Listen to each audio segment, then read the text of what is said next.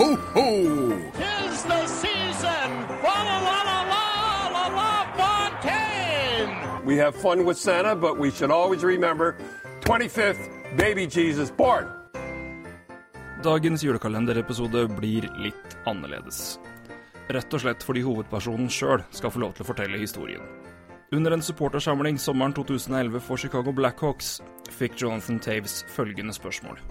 And my questions for Toews, and I want to ask you, does Kane ever get on your nerves? Og jeg gir herved ordet til Blackhawks-kapteinen.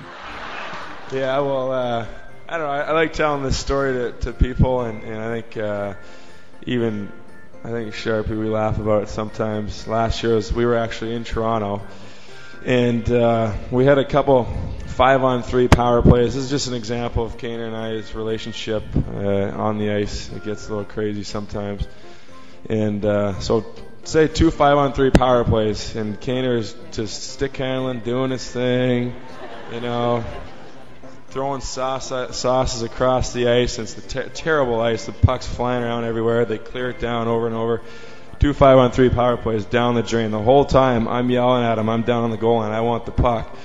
So we come off the ice and I'm just screaming at Kaner. I'm like, pass me the puck. Like, I'll bleep it out for now. But uh, so I, next thing you know, he starts yelling back at me, and we had about two minutes of us just screaming at each other on the bench.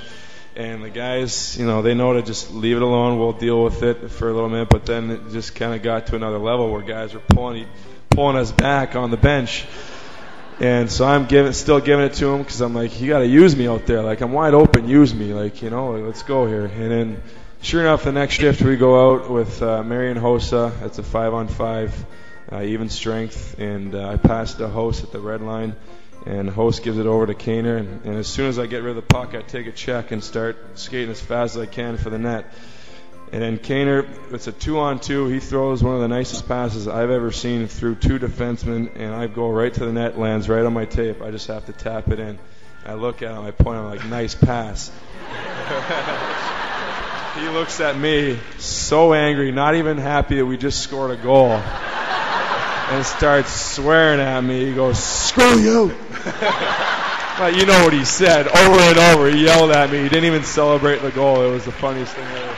And the guys on the bench were laughing because they knew what happened. So, uh, yeah, he definitely gets on my nerves a little bit.